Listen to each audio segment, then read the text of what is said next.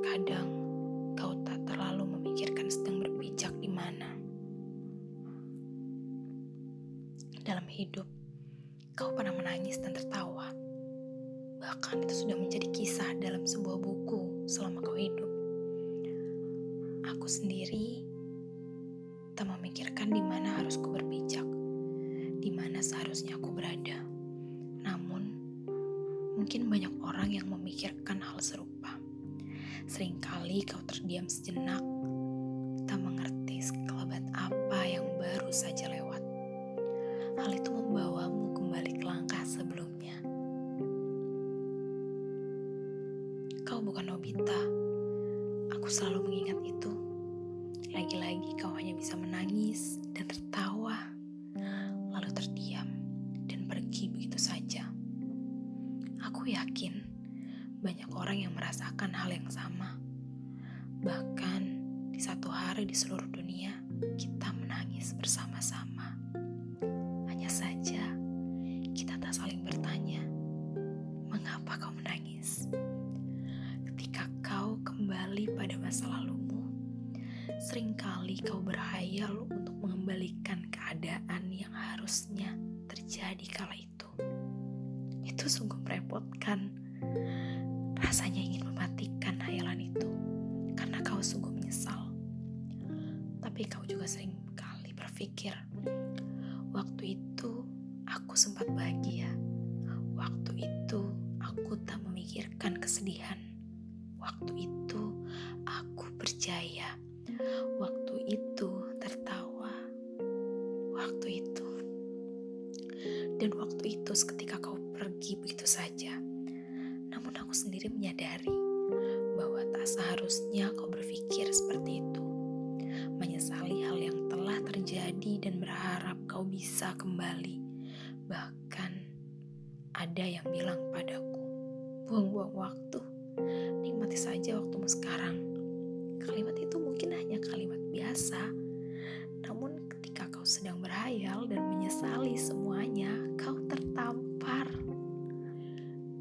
Tiba-tiba akan terdiam, bahkan hingga melamun dan sekali lagi pergi begitu saja.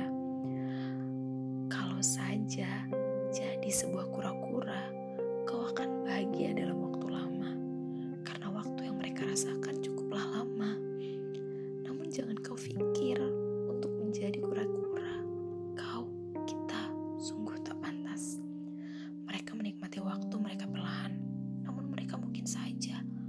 ada dalam penyesalan yang tak pernah bisa kau sadari, bahkan bayangkan.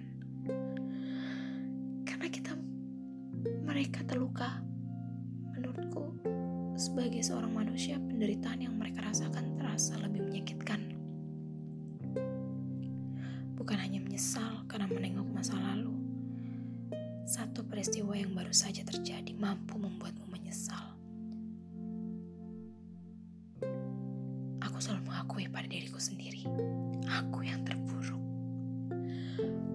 Bahkan sulit untuk kembali bangkit setelah itu. Jangankan bangkit, bergeser sedikit pun tidak. Aku pernah merasakan, bahkan baru merasakan. Namun hal tersebut selalu terngiang dalam kepalaku.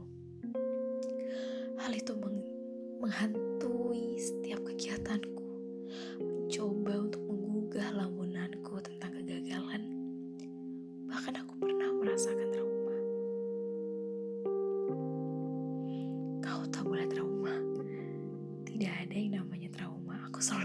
begitu. Itu yang selalu dikatakan seseorang yang sangat berharga bagiku.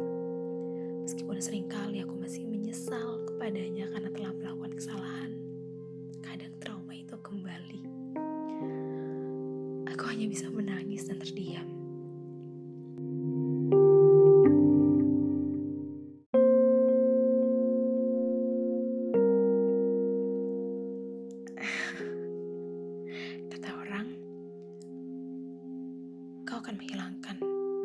suatu semua kalau kau bahagia. Kata orang, kau akan bahagia kalau kau mendekatkan diri dengan Tuhan. Kata orang, kau akan bahagia kalau kau melihat orang lain tersenyum karena apa yang telah kau lakukan. Aku mengiyakan, aku melakukan, bahkan aku mendapatkan. Kau tahu, aku pernah sedikit melupakan Tuhanku. Aku pernah sedikit mengabaikan orang lain. Dan apa yang terjadi? Jadi bingung dan tak tahu ke mana dan apa yang harus aku lakukan. Menangis tanpa sebab, lalu kembali terdiam. Aku pernah ada di tahap itu.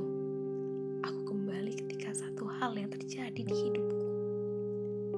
Orang lain tak mengerti kapan aku merasakan itu. Tapi, aku takkan menasihatimu.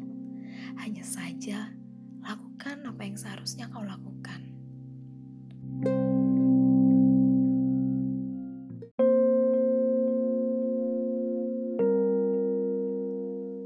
Ibuku pun selalu berkata, setidaknya tiga kalimat yang selalu diulangi ketika aku menyesal. Kamu, ibu lahirkan bukan untuk menyesali keadaan, dan seorang ibu tak akan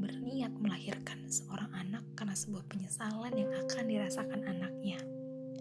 Yang kedua, ibu melahirkan kamu itu tanpa ada rasa penyesalan sedikit pun. Jadi kamu sendiri gak boleh menyesali terus-menerus. Dan yang ketiga, jalani semuanya dengan ikhlas. Kalau kamu gak ikhlas, berarti kamu mau lihat ibumu masuk neraka. Aku selalu tertawa.